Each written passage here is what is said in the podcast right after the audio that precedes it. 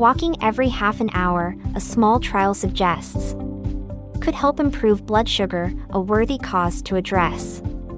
A UK diabetes charity brought forth this fine news. Helpful for those with type 1 who have much to lose. 32 folks were in the study, a modest group indeed. But even small changes can bring about a healthy lead. Walking for just three minutes every half an hour or so can help improve blood sugar levels, that much we know. Diabetes is a struggle, a challenging disease. But we can fight it off with lifestyle changes with ease. Simple things like walking can make a difference, you see.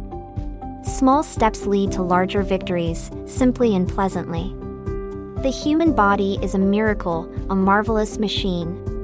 With constant care and attention, it can maintain a gleam. A healthy body is a happy body, content and serene. Walking every half an hour, our blood sugar levels to wean. Heart healthy, diabetes fighting, weight loss inducing too.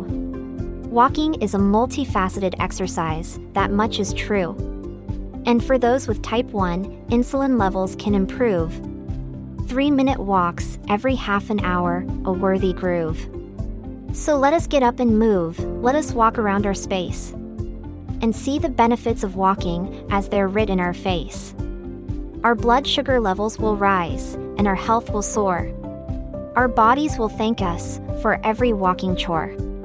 Walking for three minutes every half an hour or so can help improve blood sugar levels, that much we know. And with this rhyme, I end my plea. Let's get moving and let's walk for our diabetes care, so free,